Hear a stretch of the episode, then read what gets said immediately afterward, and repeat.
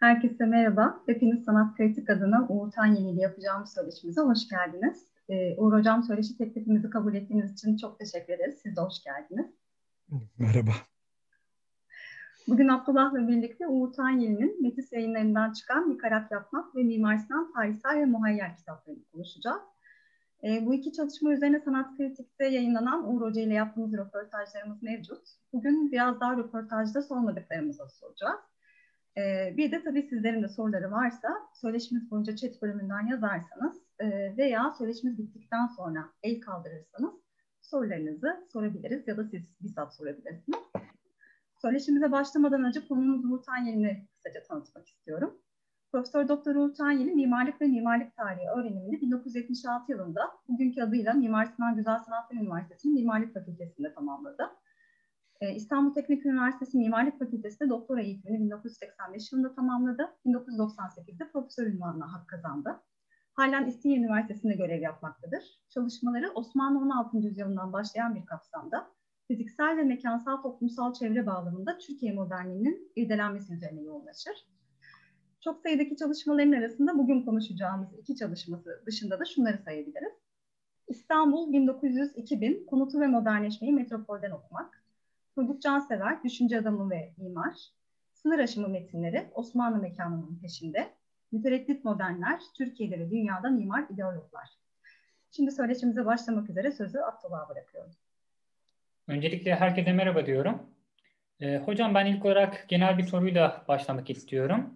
Ee, yıkarak yapmanın temel dayanak noktalarından birisine değinmek ve mimarlık düşüncesi ve bu düşüncenin arka planında yer alan tarihsel süreçten söz etmek istiyorum.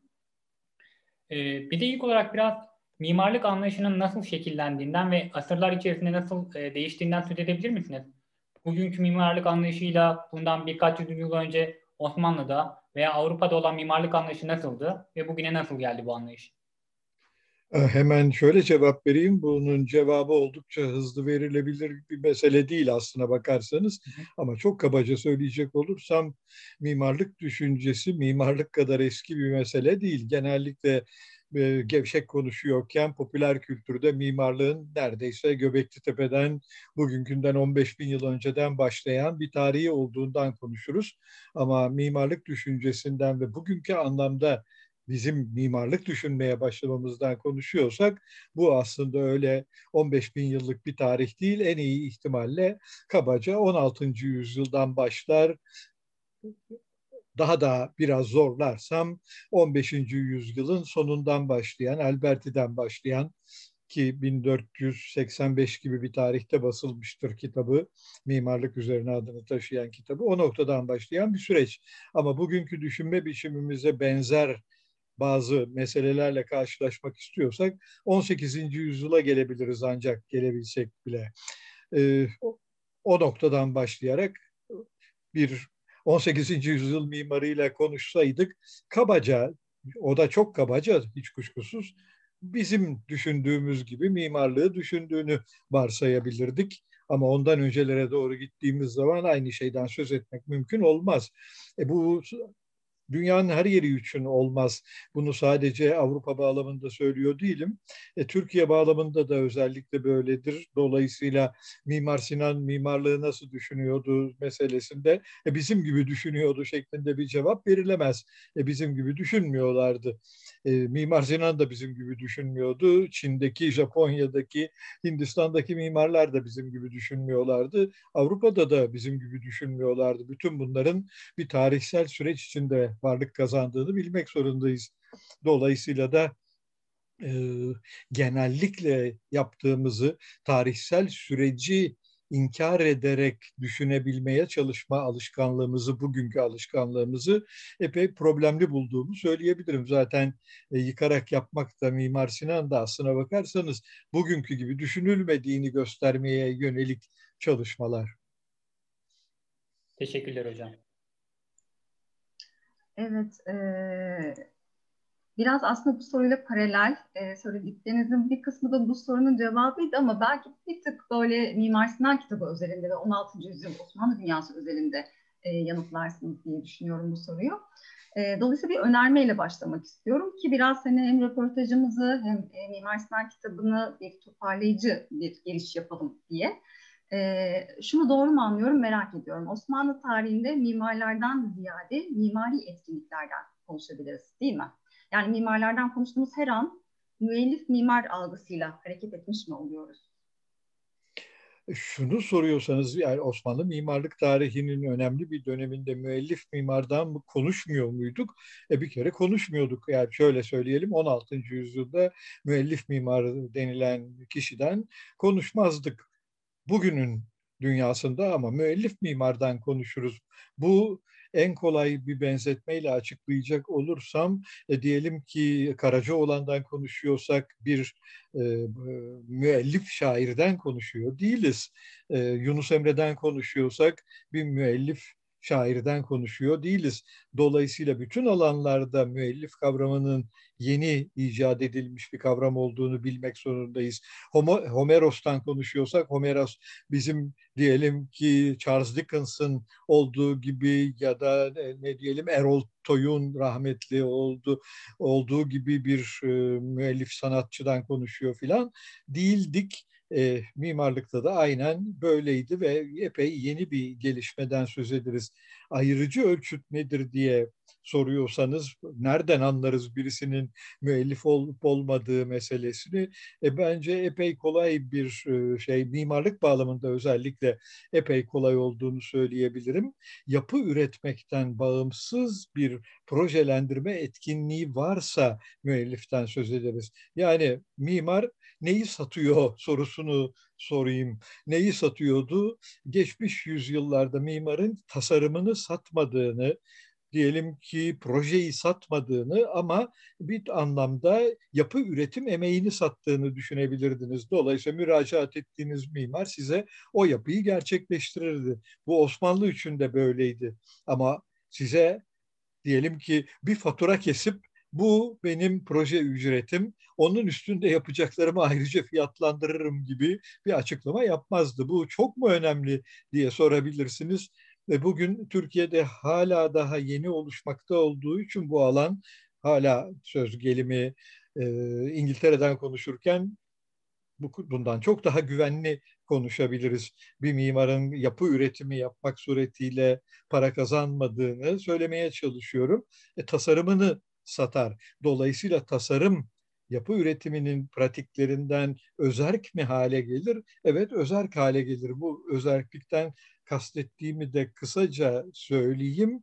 E, tasarımsal pratik ille de gerçeğe dönüşmek zorunda olan pratik değildir. Dolayısıyla bugün bir mimara gider de söz gelimi ben bir, kendime evi yaptıracağım proje istiyorum dediğiniz zaman size binayı yapacağı anlamına gelmez. Siz bir proje ısmarlarsınız, parasını ödersiniz, beğenmezsiniz, uygulamazsınız. Hiçbir sorumluluk yüklemez. Parasını ödedikten sonra isterseniz alın projeyi çöpe atın. Bu müellif mimarın dünyası. E geçmişin dünyasında böyle birine gitmezdiniz zaten.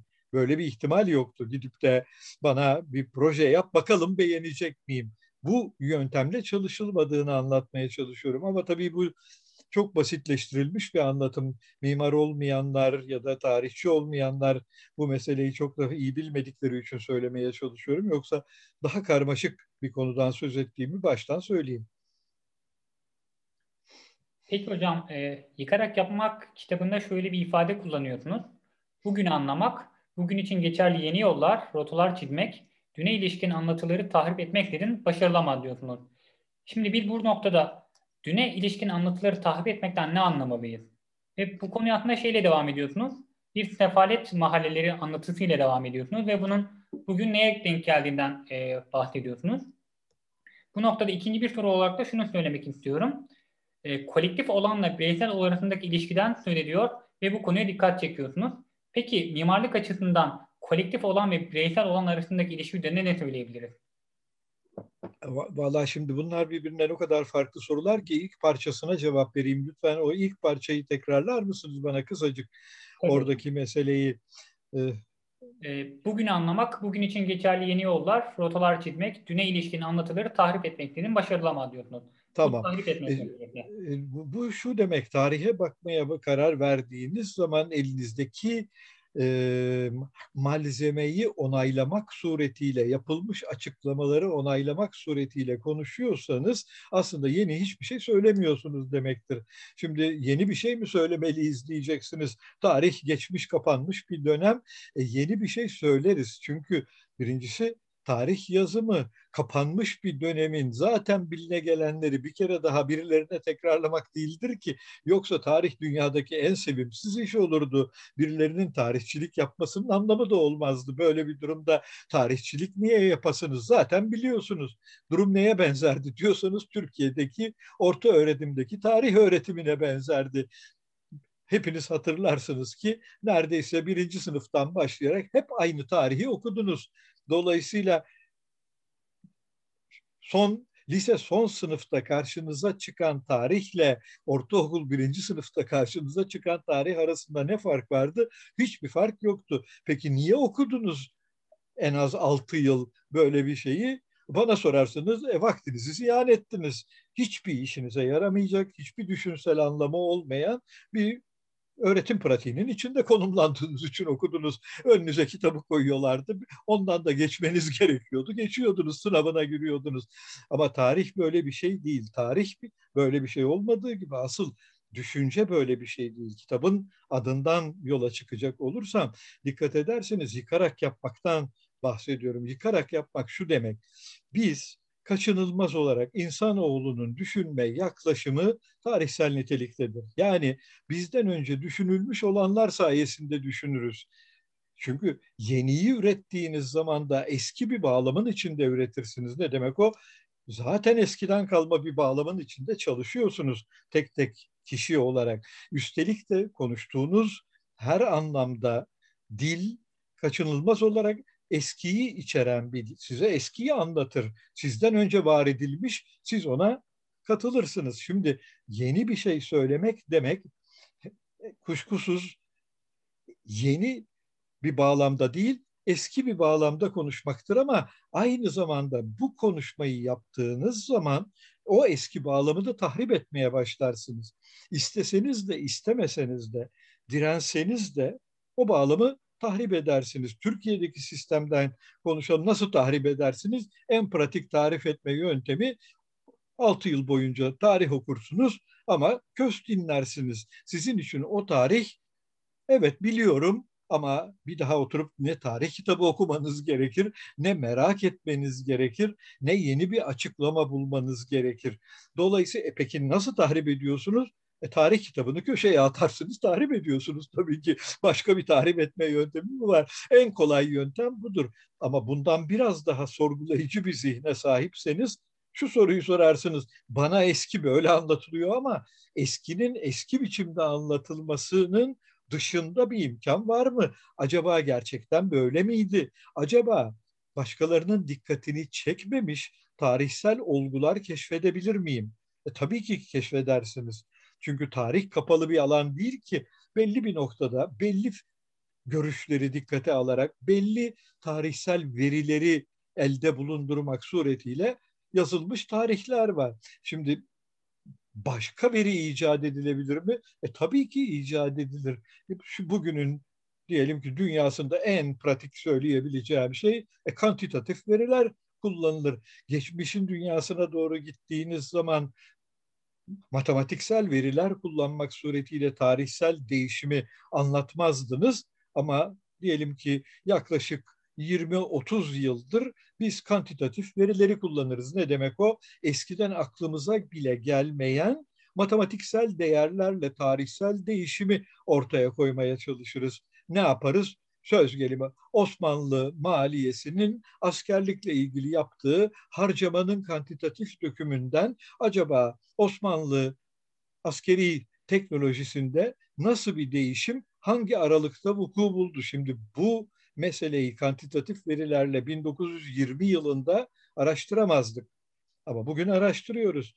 Ya da diyelim ki 1820 yılında Türkiye'nin kent tarihini araştırırken şunu yapamazdık. 16. yüzyıldan başlayarak Türkiye'deki kentlerin diyelim ki nüfus değişim seyrini ve bunun ilişkili olduğu başka tarihsel olayları bir araya getirip bir çapraz okuma yapamazdık. Ama bugün yapıyoruz. Şimdi bu dolayısıyla tarihsel veri üretmek mi? Evet tarihsel veri üretiyoruz. Çünkü daha önce yoktu ki o veri. Biz onu yapıyoruz. Biz başka tarihsel kaynakları kullanmak suretiyle onlardan bir yeni hikaye yazıyoruz. Yeni bir senaryo yazıyoruz. Diyelim ki Osmanlı ordusuyla ilgili yazıyoruz. Diyelim ki Osmanlı kentleriyle ilgili yazıyoruz. E bu yepyeni bir imkanın kapısını açmak demektir. Ama bunu yaptığınız zaman o zamana kadar kentlere ilişkin ve orduya ilişkin olarak anlatılmış hemen her şeyi de tahrip etmeye başlarsınız. Çünkü bu ikinci yolda karşınıza çıkan sonuçlar hemen daima bu ender istisnalar dışında hemen daima elinizde yapılmış açıklamayla çelişir. Çelişmeme imkanı yoktur. Yani tarih sürekli olarak hatta çelişmeleri fark etme işidir. Daha önce yazılmışta acaba neyi yanlış yazdılar? Acaba neyi görmediler? Acaba neyi yanlış yorumladılar? Acaba neden böyle bakıyorlardı da bu kadar taraflı bir sonuç çıkardılar? Diyelim ki bütün okuduğunuz tarihi düşünelim. Şöyle bir açıklama yapacak olsak, Türkiye'de e, geri kalmışlığın tarihini yazıyorsunuz. Hemen uzun bir aralık boyunca Osmanlı yönetim sistemi bozuldu diye bir anlatının içinden gelirsiniz. Bunu zaten Türkiye'de lise bitirmiş herkes gayet iyi biliyordur. Başka uzun bir araştırma yapmasına bir gerek yok. Ama yepyeni açıklamalar çerçevesinde baktığınız zaman Osmanlı yönetim sistemi bozuldu şeklinde bir açıklamanın hiçbir şey ifade etmediğini görürsünüz. Niye görürsünüz? Çok iyi bilirsiniz ki Osmanlı yönetim sistemi 17. yüzyılda başkaydı, 18. yüzyılda başkaydı, 19. yüzyılda radikal değişim geçirdi. Sürekli değişim geçiren bir yönetim sistemi. Şimdi bu bozuluyor muydu, değişiyor muydu? En basitinden dikkat ederseniz o güne kadar inandığınız bozulma söylemi artık elinizde neredeyse lime lime dökülmeye başlar. E o zaman da zaten bugün artık söz gelimi Osmanlı tarihini akademik bir ciddiyetle yazanlar bozulma söylemini kullanmazlar. Osmanlı sistemi bozuldu. Ama ben kendi çocukluk yıllarımdaki tarih eğitiminden hatırlıyorum. Söz gelimi böyle bir bölüm vardı. Niye Osmanlı Devleti battı? Nedenleri kadınlar saltanatı nedenlerden biri. Kadınlar ülkeyi yönetiyordu. E şimdi böyle bir anlatıya bugün inanabilir misiniz? Bu bugün şaka bile değil. Ama muhtemelen eminim ki böyle bir bölüm hala tarih kitabımızda var. Peki o var. zaman adama var değil mi? Var. Siz, sizin kuşağınız herhalde okudu böyle bir şeyi. E şöyle söyleyeyim, o zaman adama şu soruyu sorarlar. Neden İngiltere'de Kraliçe Elizabeth yönettiği zaman İngiltere batmıyor? Diyelim ki İsveç'i Kristina yönettiği zaman 18. yüzyılda batmıyor da Osmanlı sistemi kadınlar yönetince batıyor. Kadınların ne gibi bir genetik problemi var ki batırıyorlar ülkeyi. Şimdi buna inanıyorsanız böyle bir sisteme inanıyorsanız tarih şunu yapar. Böyle bir inancın zırva olduğunu ortaya koyar. Sizi bugüne kadar öğretilen tarih kitabı sadece zırva olmakla kalmaz. Erkek gözünden yazıldığını gösterir. En alelade ucuz biçimiyle eril gözle yazılmış bir Osmanlı tarihinden konuşursunuz. Şimdi tarihçi ne yapar diyorsanız e, gerçekten işini yapıyorsa e, bunu tahrip eder tabii ki. Hala eril gözle tarih yazmaya başlarsanız diyelim ki ne diyelim Kösem Sultan yüzünden memleket battı diye inanmaya başlıyorsanız e bu herhalde artık bugünün dünyasında hiçbir biçimde ne savunulması mümkün. Ama asıl sorun şu, asıl sorulması gereken sorun neden bunları hala böyle yazmaya devam ettiğinizdir. Yani neden ben yıkarak yazmak e, gibi bir kitap yazmak zorunda kalıyorum. Yıkmanın zorunluluğunu anlatmak zorunda kalıyorum. Diyelim ki bunu başka bir ülkede yazsaydım yıkmanın zorunluluğunu bu kadar eksene alan bir kitap yazmazdım. Çünkü zaten her tarihçi zaten yıkar. Bu yıkma eylemi tarihçiliğin olağan parçasıdır. Daha kötüsü düşünmenin parçasıdır yıkmak. Her okuduğunuz metni, en eski metinleri bile okurken yıkarsınız. Asıl mesele bu. Platon okuyorsunuz. Milattan 400 yıl önce yazıldığı bilinen bir metni milattan 400 yıl önceki gibi okumuyorsunuz ki böyle bir okuma söz konusu olabilir mi? 21. yüzyıldaki Türkiye'de eğitim görmüş biri olarak Platon okursunuz. Platon aynı ama Platon'dan çıkardığınız anlam Platon'un çağındakinden de değil, farklı, orta çağda Platon okuyandan da farklı, 9. yüzyılda Platon okuyan bir Arap yazarın okuduğundan da farklı. E, dolayısıyla sürekli olarak zaten tahrip ederiz. Ama sorun şu, ideolojik olarak bu tahribata karşı çıkarız. Türkiye'deki durum büyük ölçüde budur. Bunların hepsi ebedi ve ezeli gerçeklikler. Bunlara karşı çıkılamaz. Bunlar zaten asla yıkılmamalıdır diye konuşmaya başladığınız zaman birincisi düşünemezsiniz. Düşüncenin bütün olağan güzergahlarını tahrip ediyorsunuz demektir. Düşünmemeye kendinizi mahkum ediyorsunuz demektir. İkincisi tarih yazamazsınız özele gelecek olursa. O yazdıklarınız okul tarihi olur. Evet büyük ölçüde de bu niteliktedir gerçekten de açıklı olanım. Hiç kuşkusuz bununla akademik tarihçiliği kastetmiyorum. Yoksa bu anlamda tahrip ederek yazan tabii ki epey azımsanmayacak sayıda tarihçinin var olduğunu Türkiye'de de Türkiye dışında da biliyorum ama genellikle Türkiye'deki problemin böyle bir şey olduğunu özellikle vurgulamak istiyorum. Çok teşekkür ederim hocam harikasınız. Ee, şunu sormak istiyorum hocam az önce söylemiştim. E, sefalet mahallelerinden bahsederken kolektif olanla bireysel arasındaki ilişkiye dikkat çekiyorsunuz. E, peki bu açıdan mimarlığın kolektif olan ve bireysel olanla ilişki türlerine ne söylemek istersiniz? E, yani soruyu anlayabildiğimi söyleyemeyeceğim de onun için. Yani e, po poetik olanla mı diyorsunuz? Evet. Peki poetikle bireyselin çelişmesinden bahsettiğim sanmıyorum da onun için. Yani poetik lütfen siz biraz açıklar mısınız bana? Tabii hocam. Özellikle... Çünkü kitap da önümde değil. Bu sözünü ettiğiniz kitapların bir tanesi 380 sayfa, ötekisi 540 sayfa. Her noktasını ezbere bilmiyorum. Ben de kendi kitabıma bakmak zorunda kalırım böyle durumlarda. Tabii ki hocam. Şunu söylemek istiyorum.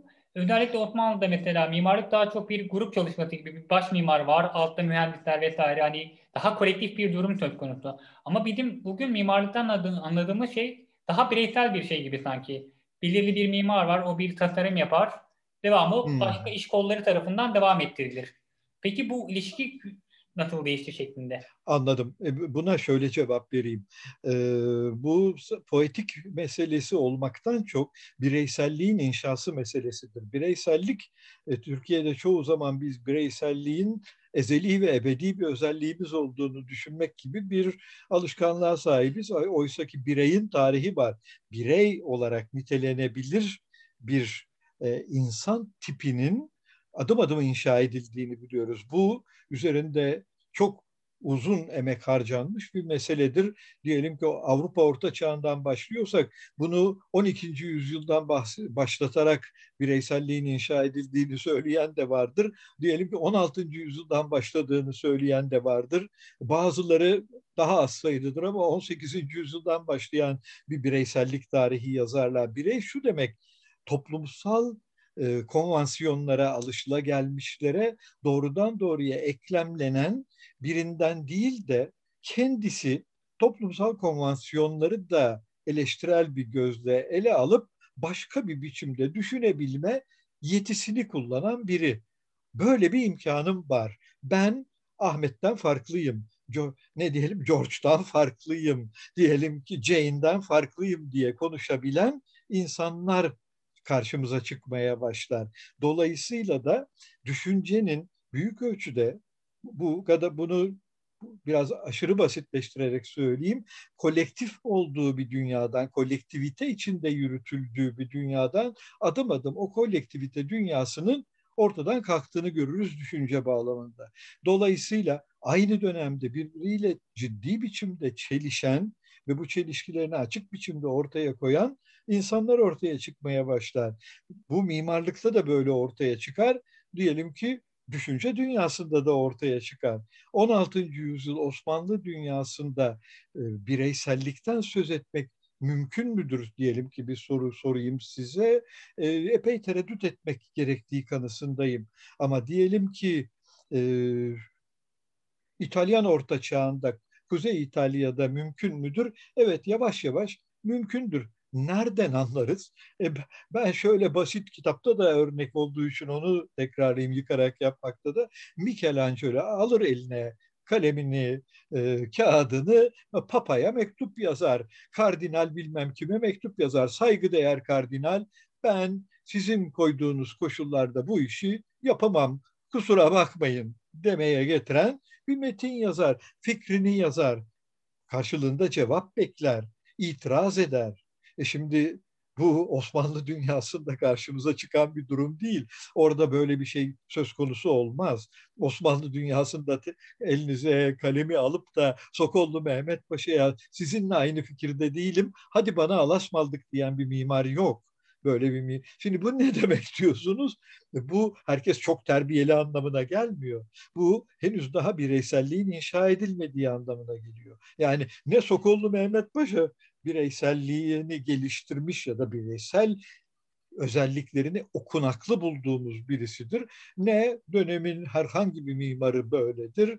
E, dolayısıyla da böyle bir dünyada kaçınılmaz olarak e, kolektif bir düşünme rejiminin içinde konumlanırsınız. Bunu en güzel anlatan şey yine Mimar Sinan örneğine bu kez döneyim. E, diyelim ki Osmanlı poetikası böyledir. Yani Osmanlı şiir dili böyledir. Mazmunla yazılıyor. Ne demek?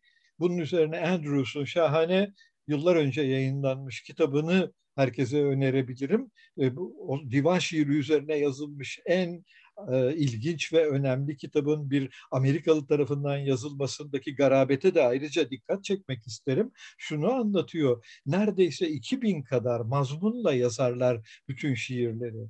Şimdi mazmun ne demek? Metaforik ifadeler, benzetmeler, mecazlar bunlar. E şimdi ucu bunun nedir? Uçsuz bucaksızdır aslında. Potansiyel olarak benzetme yapmanız için hiçbir engel yok. Neye isterseniz benzetirsiniz. Ama şunu yapıyorsanız mazmun kullanırsınız.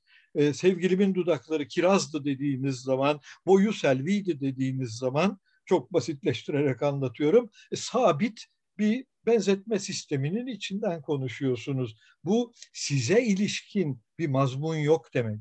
Sizin mazmununuz size ait değil ki herkese ait kolektif bir mazmun. Şimdi bütün Osmanlı düşünme rejiminin en azından uzunca bir süre 18. yüzyılda bana sorarsanız Nedim'e Endoruni Fazıl'a gelene kadar e, bu niteliği taşıdığını söylemeye çalışıyorum. Ancak o zamandan başlayarak Osmanlı'da bireyselliğin üretilmeye başladığını görürüz. E, bunu mimarlık özelinde de söylemek mümkündür. Ama mimarlığı özellikle önemsemeyin diye bunu hep vurguluyorum. Çünkü bütün düşünce alanları ve bütün estetik pratikler, bütün düşünme pratikleri böyledir. Mimarlık burada bir özel durum falan oluşturmuyor. Orada başka bir şey oluyor, diğer tarafta başka bir şey oluyor zannediyorsak yanılıyoruz. Hepsinde düşünme rejimimiz üç aşağı beş yukarı bu özelliği taşır. Dolayısıyla da demin sözünü ettiğimi hani bir kere daha vurgulayayım. E, bireysellikten konuşulamaz ama bugünün dünyasında e, artık bireysellik bizim kaçınılmaz varoluşsal durumumuza işaret eder. Bu dünyanın her yerinde herkes bireyleşti anlamına gelmiyor. Herkes bireyselleşti anlamına falan gelmiyor. Ama Türkiye gibi bir ülkeden konuşuyorsak Türkiye'de hala bireyselliğin ve bireyin birey olma halinin e, tehlikeli olduğunu biliyorsunuz. Türkiye'de sürüden ayrı düşünmek son derece ciddi bir problem oluşturur. Herkes gibi düşünürseniz rahat edersiniz. Ama bu dünyanın her yerinde böyle mi diyorsanız e, şöyle söyleyeyim artık en azından akademik sistem ve düşünce dünyasında böyle değil. Dünyanın hemen hiçbir ne diyelim ülkesinde böyle bir durumun söz konusu olmadığını, birbirinden farklı, birbiriyle çelişik, birbirine yönelik eleştirilerle dolu, başkasının söylediğini çürütmeye yönelik bir düşünme biçiminin ve yapma biçiminin hiç kuşkusuz ortamdaki olağan durum olduğunu söylerim. Mimarlıkta da böyledir. Dolayısıyla bugünkü kentlerimizin kimliği bozuldu diye konuşan arkadaşlara bunu söylemek mümkündür. E, kimliği bozulur. Çünkü ben başka türlü bir mimarlık talep ederim. Başka biri başka bir mimarlık talep eder. Başka birinin elindeki olanaklar çok farklıdır. Benimkiler çok farklıdır. Ben başka bir mimarım. Diğer biri başka bir mimar. Şimdi bu ne yapar? E, kentin içindeki fikir birliği ve kolektiviteyi tabii ki ortadan kaldırır. Peki bu nedir? E, buna modernlik deniyor. Bu gayet olağan bir durum. Böyle olur. Ama Türkiye'de bunun ciddi paranoyalar tetiklediğini söyleyebiliriz. Türkiye bundan korkuyor. Böyle bir şeyin olmasını bir arıza olarak nitelendiren bir toplumda yaşıyoruz. E bu bir arıza değil. Tam tersine yaşayabileceğimiz en olağan değişimlerden bir tanesi ve biz ondan rahatsızlık duyuyoruz. Dolayısıyla mimarlık özeline tekrar dönecek olursam e, artık bireyselleşme sayesinde sonsuz çeşitlilikte mimarlıklar yapma imkanımız vardır. E, bu imkanı da kullanırız. Birbirimize uyum göstermek için iradi olarak çalışmamız gerekir bugünün dünyasında. Herkes aklına eseni yapar anlamına gelmiyor. Yapsın anlamına hiçbir iş gelmiyor. Peki ne geliyor?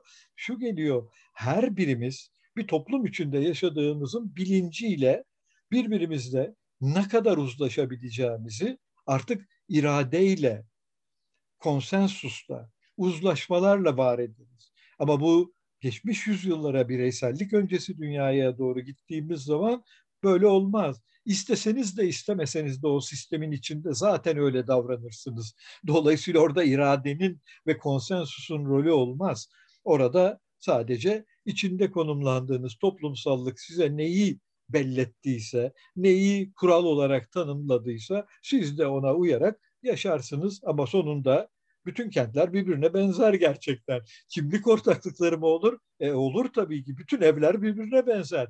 Benim evim yandaki evden farklı olsun demiyorsanız böyle bir farklılıkta üretmezsiniz. Gayet basit. Farklılık çünkü amaçlayarak üretilen bir şeydir. Karşınıza tesadüfen farklılık çıkmaz. Dolayısıyla bugünün dünyasında artık hepimizin ciddi biçimde farklılığımızın bilincine vardığı, birey olma halimizin bilincine vardığı bir dünyada biz başka başka tasarımlar, başka başka zevkler, başka başka siyasal görüşler, uzlaşmaz inançlar geliştiririz. Peki ne olur? Gayet basit. Anarşik bir ortam doğar. Peki anarşik bir ortamda mı yaşarız? Hayır yaşamayız.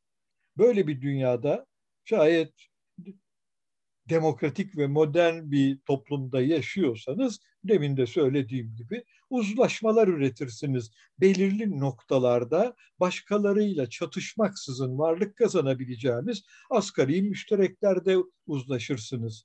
Bu bölge bölge uzlaşırsınız. Mimarlık bağlamında diyelim ki kat sayısını denetlersiniz. Burada şundan daha yüksek bina olmayacak. E, olur mu? Herkes üzerinde uzlaşıyorsa olur söz gelimi. Evet, bu bir uzlaşma mıdır? Evet uzlaştırır. Ama dikkat edin bu artık ortamda hazır bulduğunuz değil. Sizin toplumsal olarak ürettiğiniz bir uzlaşma. E bu bağlamda hemen söyleyeyim Türkiye ciddi bir uzlaşma özürlü bir toplumdur ve artık bunun üzerine ne diyelim e, şaşırtıcı herhangi bir e, mesele söz konusu bile değil. Neredeyse e, Türkiye'yi tarif etmek için kullanılan bir terimden söz ediyorum. Türkiye uzlaşma üretemeyen bir toplum. Türkiye'nin problemi büyük ölçüde bu. Böyle bir meseleden konuşuyorum. Mimarlık bunun sayısız görüntüsünden bir tanesi daha diyeceğim. o yüzden Türkiye'de bireyselleşme de tıkanır.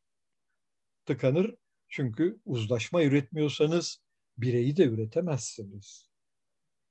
Bireysellik uzlaşmayı üretir. Önce farklılaşırsınız, sonra ortaklaşırsınız. E, Türkiye'de farklılaşmaksızın ortaklaşmak istiyorsanız o zaman bireyselliği de üretemezsiniz. Sağlıklı bir toplumu da hiç tereddütsüz söyleyeyim, e, uzlaşmacı, demokratik bir toplumu da öğretmekte problemler yaşarsınız. Bu kitaplar bunlara anlatıyorlar büyük ölçüde. Peki bu noktada şunu sormak istiyorum hocam. Biraz anarşiden de bahsettiniz aslında. Şimdi anarşi ve inanç kavramları arasında bir e, gerilim var haliyle. Siz de kitabınızda şöyle diyorsunuz. Anarşi terimini kullanıyorum. Çünkü mimarlık bilgi alanında egemen iktidar yapılarını, söylemleri, ön yargıları, stereotipleri, inançları sorunsallaştırmak istiyorum. Bu noktada şunu sormak istiyorum. Birincisi bu egemen iktidar yapıları nelerdir? Ve bunun mimarlıkla ilişkisi nedir? İkincisi e, şu konuya gelmek istiyorum. Özellikle bir bizim e, bugün bahsettiğimiz işte Çamlıca Camii'nde veya yeni yapılan Taksim Camii'nde bahsedilen bir geleneksel Osmanlı mimarisi vardır. Bundan kasıt nedir? Yani mimarın mimardaki geleneksellikten e, kasıt nedir? Şimdi sorunuzun birinci parçası yine farklı bir şey. Şöyle söyleyeyim, tekil yapılar üzerine konuşursak onların nitelikleri üzerine ve geleneksel Osmanlı mimarlığından yararlanarak güncel mimarlık yapıyorum meselesi bir başka mesele. Bunun üzerinde biraz sonra da hiç kuşkusuz konuşuruz. Ama başta söylediğiniz şey bundan farklı. Yani modern toplum aynı zamanda kaçınılmaz olarak anarşik bir toplumdur. Burada anarşiden kastettiğim şey e, yanlış bir izlenim vermesin. Her türlü iktidar ortadan kalkar ve insanlar bildikleri gibi davranmaya başlarlar. Nasıl olsa insan değil mi uzlaşırlar biçimindeki o erken iyimser, erken anarşist düşüncenin içindeki meseleden söz etmiyorum. Böyle bir şey değil. Modern toplum kaçınılmaz olarak birbirinden farklı inançlar üretir, birbirinden farklı yaklaşımlar üretir, birbirinden farklı mimarlıklar üretir.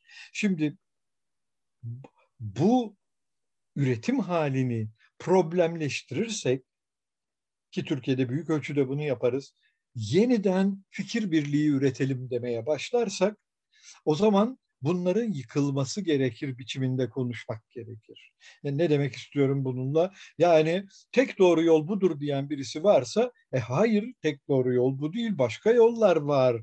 E, böyle bir e, kestirmeden sonuca varma şansımız yok. Daha önemlisi hepimiz aynı fikirlerde uzlaşmayacağız.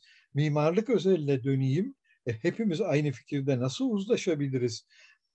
Diyelim ki benim için Osmanlı mimarlığını bugün yeniden canlandırmaya çalışmak e, problemli, problemliden daha vahim bir durumdur. Çünkü şuna işaret eder. Ben bu kadar yüzyılda, 16. yüzyıldan sonra anlamlı hiçbir mimarlık yapmamışım zaten.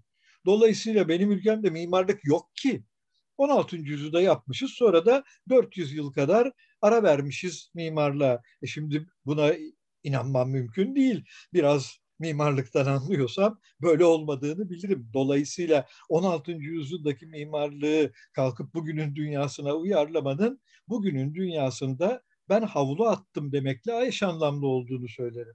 Ne demek havlu attım? Ben bu dünyaya uyamıyorum. Bu dünya için çalışamıyorum. Bu dünya için mimarlık üretemiyorum. Bu dünyadaki mimari biçimlerin üzerinde konuşabilecek iktidarım yok. Şimdi bu hiç kuşkusuz çok problemli bir duruma işaret eder. Dolayısıyla kitap böyle düşünemeyeceğimizi anlatmaya çalışıyor. Yani böyle olamaz. Bu şekilde inanıyorsanız zaten yanmışsınız. Böyle bir toplum varsa o toplum ölmüştür, gömülmemiştir. Başka hiçbir açıklaması yok. Ne demek o? Hala 16. yüzyıldaki gibi yapıyoruz.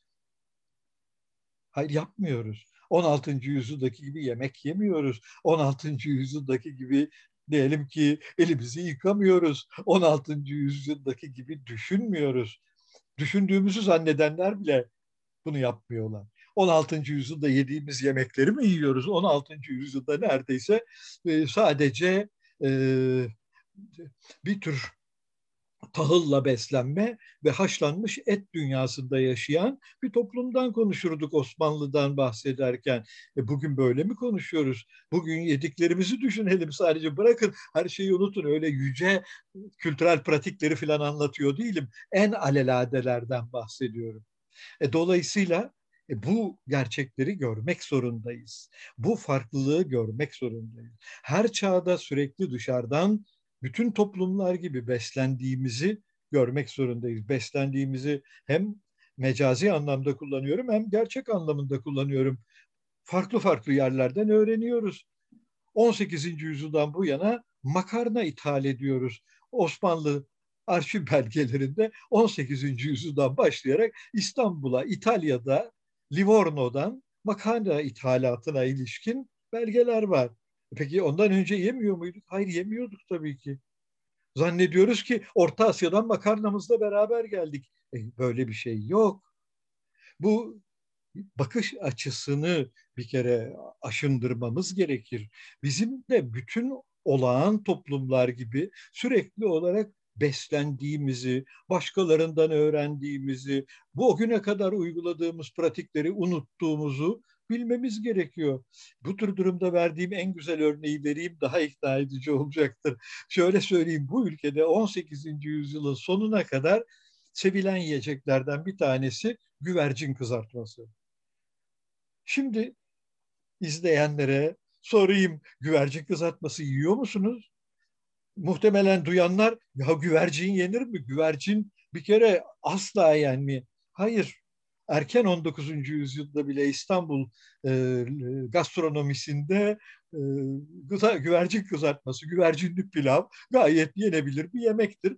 E, bugün bizim için güvercin neredeyse kutsal bir hayvan yemeği asla düşünmeyeceğiniz bir hayvan. Peki niye yemiyoruz diye hiç düşünüyor musunuz? Çok basit. Avrupalılar yemiyor. 19. yüzyılda Avrupalılar Türklerin güvercin yediğini görüyor. Türkler de o noktadan başlayarak güvercin yememeye başlıyorlar. Ama ne yapıyorlar? Güvercine kutsallık bu kere atfediyorlar. Bir zamanlar küves hayvanı olan şey dikkat edin kutsal bir hayvan haline geliyor. Dolayısıyla uydurma bir kutsallık da icat ediyorsunuz. Bu öğrendikçe, başkalarından farklılıklar ürettikçe o öğrendiklerinizde çok problemli, gerilimli bir ilişki kuran bir topluma işaret eder. Öğrenmemek için direnmek demek bu. Güvercin niye yemiyorum diye sormak yerine güvercin kutsaldır demek diyelim ki. Sorun budur. Niye? Güvercin kutsal falan değildir. Pekala da Mısırlılar bayıla bayıla güvercin yerler söz gelimi. Ama Türkler yemezler.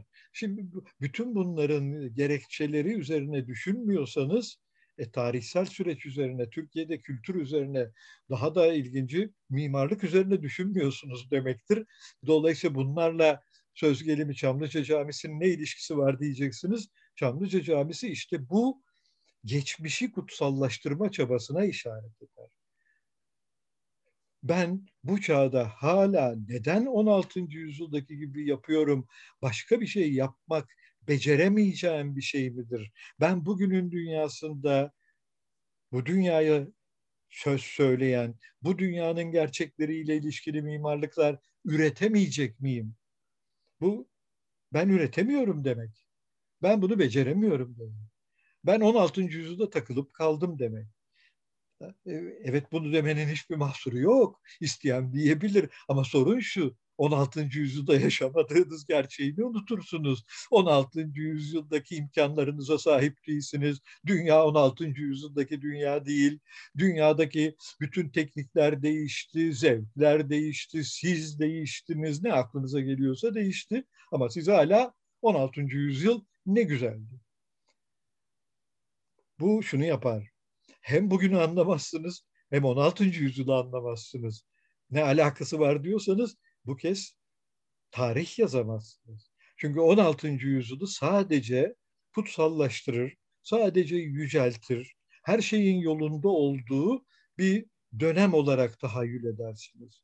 E, yanılır mısınız? E, yanılırsınız. Hiçbir çağ içinde yaşayan insanlar için diğer bir çağdan daha güzel falan olmaz. Sizin toplumsal konumunuza bağlıdır. Sokollu Mehmet Paşa'ysanız Osmanlı sistemi 16. yüzyılda çok güzeldir, iyidir. E, evet de herkes için iyi olduğuna emin misiniz? Türkiye'de yaşayan bir gayrimüslim aynı fikirleri mi paylaşıyordu? Osmanlı Devleti'nin en az yarım nüfusunun gayrimüslim Hristiyan olduğunu biliyoruz. Paylaşıyorlar mıydı acaba onlar? Bunu sormazsınız. Bu soruyu sormak zorundasınız. Ama onların ne önemi var? Önemli olan diyelim ki Türkler diyorsanız hangi Türkler diye sorarlar adama. 16. yüzyılda Osmanlılar Türk dedikleri zaman göçebe dolaşan, yazı dilinden yoksun bir grup Anadolu halkını nitelerlerdi. İstanbul'da yaşayanlara Türk diye hitap etseydiniz 16. yüzyılda estağfurullah diye cevap alırdınız. Ben Türk değilim derdi. Bunun başka terimlerle anlatıldığını gayet iyi biliyoruz. Ama işte bunları görmek istemezseniz hem 16. yüzyılı anlama şansınız yoktur, hem Osmanlı tarihini anlamazsınız, hem bütün o değişim süreçlerini anlamamak için direniyorsunuz, hem de bugünkü dünyayı hiç mi hiç anlamıyorsunuz demektir. Tarihi anlamamanın hiçbir mahsuru yok tek başına. Ama bugünkü dünyayı anlamıyorsanız bundan vahim sonuçlar çıkar. Çıkıyor da zaten. Bugünkü dünyanın gerçekleriyle böylesine dünün hayallerini karıştırırsanız bundan bir ne diyelim melanj çıkar. Kararsız bir karışım çıkar bundan. Bundan sütlü kahve çıkar. Böyle, bu tam bu. Asla birbirine birleşmeyecek bir dünya çıkarırsınız. Telvesi dibine çöker, üstünde sadece biraz kahve kokusu kalır böyle bir benzetme yapayım daha iyi anlaşılır diye bunu düşündüm doğrusu. Ama böyle bir durumdasınız. Böyle bir durumdayız demektir. E, mimarlık bunu çok güzel anlatan bir araçtır. E, dolayısıyla mimarlık e, acıklıdır bazı durumlarda. E, Türkiye'de şu anda kimi açılardan e, ilginç bir e, ne diyelim e, acıklılık döneminden geçtiğimizi söyleyebilirim.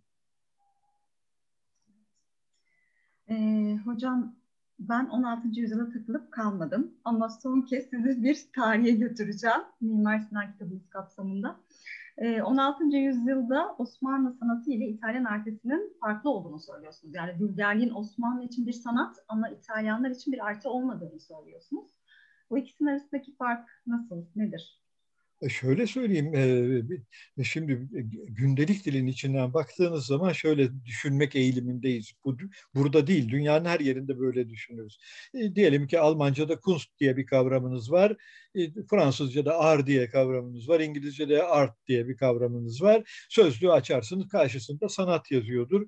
Şunu zannetmeye başlarız, her yerde sanat diye bir kavram var ve her çağda aynı anlama geliyordu. Şimdi Böyle bir şey yok ki. Bu Türkçe için az ele alınmış bir meseledir. Benim kitabımda buna değinen bir yer olduğu için bunu soruyorsunuz farkındayım. Ama daha genelleyecek olursak bu çok üzerinde tarihsel araştırmalar yapılmış bir konudur. Sanat kavramımız kabaca antik Yunan dünyasından yani milattan en az 400 yıl önceden bu yana sürekli değişir. Dolayısıyla bugün sanat dediğimiz zaman Yunanlıların tehne dediği şeye uzaktan yakından benzeyen bir şeyden konuşuyor değiliz. Ya da Romalılar milat yıllarında diyelim ki arte dedikleri zaman kastettikleri şeyle bugünkü Fransızların ar dedikleri zaman kastettikleri şey örtüşmez. Bunu biliriz. Niye? Şöyle söyleyeyim size. Almanca'daki en kolay anlatılabilir Almanca'da Kunst sözcüğü, sanat sözcüğü können fiilinden kaynaklanır. Können fiili yapabilmek gibi bir yardımcı fiil olarak Almanca biraz biliyorsanız kullandığınız bir şeydir. Büyük ölçüde bir şeye muktedir olmayı işaret eder. Bir, şey, bir beceriyi yapabildiğiniz anlamına gelir. Dolayısıyla sanat kavramı 16. yüzyılda bir Osmanlı için ne anlama geliyor derseniz Orta Çağ'da Almanca'daki Kunst'un anlamına gelir. Orta Çağ'daki işte diyelim ki İtalyanca'daki arte'nin anlamına gelir. Her tür el imalatının toplu adıdır. Ama her tür el imalatının. Bu ne demek? Bunun içinde e, dülgerlik de el imalatıdır, mimarlık da imalattır, e, dokumacılık da bir sanattır. Osmanlıcadan konuşuyorum 16. yüzyıl mantığıyla. Ondan sonra söz gelimi Başka nelerden söz edebilirim? E, aklınıza ne geliyorsa her tür pratiğin böyle olduğunu anlatmaya çalışıyorum. Şöyle böyle bir dünyada yaşanır ama bugünün ortamına geldiğiniz zaman artık karşınızda sanat dendiği zaman bu kastedilmez. 16. yüzyıl İtalya'sından başlayarak burada dönecek olursak sanat kavramı böyle bir kavramdır. Dolayısıyla yüzyıllar içinde anlamı değişir. Şimdi 16. yüzyıl özelinde demin sorduğunuz soruya geri dönecek olursak diyelim ki Sinan'ın otobiyografisinde kendi sanatından bahseder ve dülgerlik, marangozluk onun sanatı olduğunu belirtir. E şimdi bu aynı dönemin 16. yüzyıl İtalyancasında dülgerlik, marangozluk sanat değil artık. Orada artık o bir el zanaatı, el imalatı. O çünkü 16. yüzyılda bugünkü artık sanat kavramı inşa edilmeye başlandı. Dolayısıyla bir tarafta estetik pratikler dediğimiz bir grup pratik var. Öte tarafta ise diyelim ki ne diyelim kayık yapımcısı. Kayık yapımcısı Türkiye'de sanatkar diye nitelendirilebilirdi. Ama 16. yüzyılda diyelim ki Milano'ya giderseniz ona sanatkar demiyorduk. Peki ne diyorduk? Ona çok açık söyleyelim. Ona biz zanaatkar diyorduk İtalyan. Batı dillerinin hepsinde bunun çeşitli karşılıkları var. İngilizce'de craft olarak adlandırıldığını herhalde hepiniz biliyorsunuz. Böyle bir değişim sürecinden demek ki konuşmak mümkün. E bunu görmezden gelirseniz ne olur asıl mesele? Yani Sinan'ın sanatını İtalya'da da sanattan söz ediliyordu, Türkiye'de de sanattan söz ediliyordu. Demek ki bayağı benziyorlarmış derseniz e, ciddi bir yanlış yaparsınız. E çünkü aynı şeyden söz etmiyorlardı.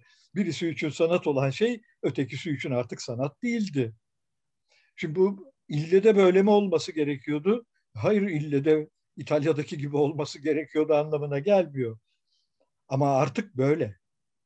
16. yüzyılda da biraz önce anlattığım gibiydi. Bunu görmüyorsanız 16. yüzyıl Osmanlısını anlamazsınız ki. Şöyle söyleyeyim Türkiye'de sanatkarın bu biçimdeki nitelenmesi benim çocukluğumda bile geçerliydi. Birisinden boyacının birinden çok sanatkar adam diye söz edebilirdi. Diyelim ki anneniz. Şimdi sanatkar dediği zaman Michelangelo'dan bahsetmediğini biliyorum. Bacon'dan bahsetmiyordum. Mondrian'dan bahsetmiyordu. Evin duvarlarını boyayan badanacıdan bahsediyordu ve sanatkar diyordu. Dikkat edin Türkiye'de bu kavram demek ki 20. yüzyılın ortalarını bile geçerek orta çağdaki anlamıyla yaşamaya devam etmiş. Evet burada öyle olmuş. Buradaki tarihsel süreç başka bir tarihsel süreç burada böyle olmuş. E bu gerçeği bilmek gerekir. Bu gerçeği bilmiyorsak bence 16. yüzyıl anlamayız, bugünü anlamayız. Bugünkü sanat kavramından haberimiz yok demektir. Çünkü bugün yeniden bu aradaki sınırda aşınmaya başlıyor. Komik olanı o. Bugün geldiğimiz noktada sanatlarla zanaatlar arasındaki o sınır çizgisini de artık belirsizleştiren bir süreç yaşıyoruz. Dolayısıyla da bunu fark etmek zorundayız. E bu durumu bence e, ne diyelim görmemiz gerekir. Görme, görmemek demek bugünkü dünyadaki e, değişim süreçlerinin farkında olmamak, onlarla ilişkilenmemek ve dolayısıyla da sanat alanında hala böyle düşünmeye devam ediyorsanız diyelim ki bugün artık Rönesans'taki gibi düşünüyorsanız yandınız demektir. Dikkat ederseniz. E, ama Türkiye'de komik olanı ne? Anladığım kadarıyla neredeyse Rönesans'takinden de önceki gibi düşünmek isteyen bir ortamdan da söz etmek mümkün gibi gözüküyor. E, bu bunun da acıklı olduğunu söyleyeceğim. Bunların aşılması gerekir. Bu kadar uzun sürmez bunlar. Bu kadar direnerek değişilmez. Türkiye'nin problemi değişime korkunç biçimde direnmesidir. Bu kadar direnen bir toplum e, bugünün dünyasının koşullarında e, sanat üretmekte, sanat talep etmekte, mimarlık talep etmekte, özgürlük talep etmekte, hepsinde problem yaşıyor demektir. E yaşıyor. Bu gerçeği görmemiz lazım artık. E, kendimizi aldatmayalım. Böyle bir durum. Umarım bir ölçüde cevap olmuştur size diyeceğim. Evet, teşekkür ederim. Hocam, e, bütün bir mimarlık tarihinde göz atarken bir kurucu efsaneler olayından bahsediyorsunuz ve bunun etrafında bir söylem kuruyorsunuz. Örneğin Türkiye'de mesela Mimar Kemalettin, Mimar Sinan gibi isimler veya işte İtalya'da Michelangelo olsun, Palladio gibi isimler işte kurucu efsane olarak anılan isimlerdir. Peki bu noktada şunu sormak istiyorum. Tek bir isim, e, tek bir mimar bütün bir mimarlık tarihini değiştirebilir mi? Böyle bir potansiyelden gerçekten söz edilebilir mi? Hemen cevap vereyim. Böyle bir şey mümkün değil. Şöyle söyleyeyim. Toplumsal nitelikte olan hiçbir şey tek bir insanın iradesiyle, çabasıyla, dayatmasıyla değişemez. Böyle bir imkan yok. Bu bütün üstün niteliklerle donatıldığını sandığınız insan da dahil olmak üzere böyle bir şey mümkün değil. Böyle bir insan yok. Daha önemlisi böyle bir toplum yok.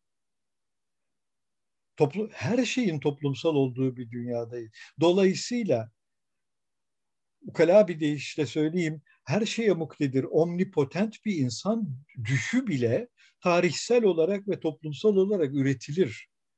Yani kendisi omnipotent zanneden, kadiri mutlak zanneden, her şeyi yapabilirim zanneden bile toplumsal değişimin olağan bir sonucundan başka bir şey değildir. Tarihin en kötü tarafı olağandır her şey. Tarihin içinde hiçbir şey bizi şaşırtmaz. Birdenbire bu niye ortaya çıktı? Aslına bakarsanız bir e, ciddiye alınabilir bir tarihçiyseniz hiçbir şeye şaşırmazsınız. Her veriyi demek ki böyle oluyormuş diyerek düşünürsünüz. E, dolayısıyla mimarı da e, söz gelimi çabasıyla, tasarımıyla, düşüncesiyle başka bir şey kılabilecek yeteneklere sahip, üstün yeteneklere sahip bir varlık olarak tahayyül etmek problemlidir. Birincisi gerçekçi değildir. Böyle biri yok. Böyle biri tarihte hiç var olmadı. Mimarda var olmadı. Bütün diğer alanlarda da var olmadı. Ama buna inanmak ne üretir diyorsanız e yine aynı şeye döneceğim. Kitap bunu anlatıyor. Buna inanıyorsanız şöyle bir probleminiz var demektir. Bugün böyle bir şeyin mümkün olmasını bekliyorsunuz. Birisi gelecek, elini çırpacak, her şey düzelecek. Her şey mükemmel olacak. Yepyeni bir imkan kapısı açılacak. E böyle bir imkan yok. Böyle bir böyle birisi olamaz. Buna inanma hali sizin içinde konumlandığınız toplumsallığı tahrip ediyorsunuz demektir. Tahribat üretiyorsunuz. Konsensüs kurulma imkanını ortadan kaldırıyorsunuz. Bir kişi her şeyi dönüştürebilecek kadar yetenekliyse konsensusa ne ihtiyacınız var? Uzlaşmayı ne yapacaksınız? Niye uzlaşma gereksin ki? Böyle bir uzlaşmayı ne yapacağız? Zaten bir kişi gelecek hepimiz için doğruyu bilecek ve söyleyecek. Uzlaşıp da ne olacak? Uzlaşmamızın ne anlamı var? E şimdi buna inanıyorsanız e bu çok problemli bir toplumsallık tipi üretiyorsunuz demektir. E buradan barışçı sonuç çıkmaz. Hiç tereddütsüz söyleyeyim. E, mimarlıkta da çıkmaz, başka alanlarda da çıkmaz. E, buradan e, sağlıklı bir toplumsallık çıkmaz. E, buradan sürekli bitimsiz bir çatışma ortamı çıkar. E, bundan hiçbir pratik bu pratikten kastım mimari pratikte, sanatsal pratikte, politik pratikte ne aklınıza geliyorsa bütün hiçbir pratik huzur içinde üretilemez. Burada bir tıkanma rejimi içinde yaşıyorsunuz anlamına gelir. Ee, büyük ölçüde Türkiye'de böyle bir tıkanma içinde yaşadığımızı varsayabiliriz. Böyle bir inancımız olduğu için demin sözünü ettiğim gibi işte bir mimar gelecek, şehrimizi düzeltecek bekliyoruz. İnşallah gelecek. Böyle bir mimar var. Hepimizi terbiye edecek. Hepimiz ona inanacağız. Hepimiz ona evet diyeceğiz.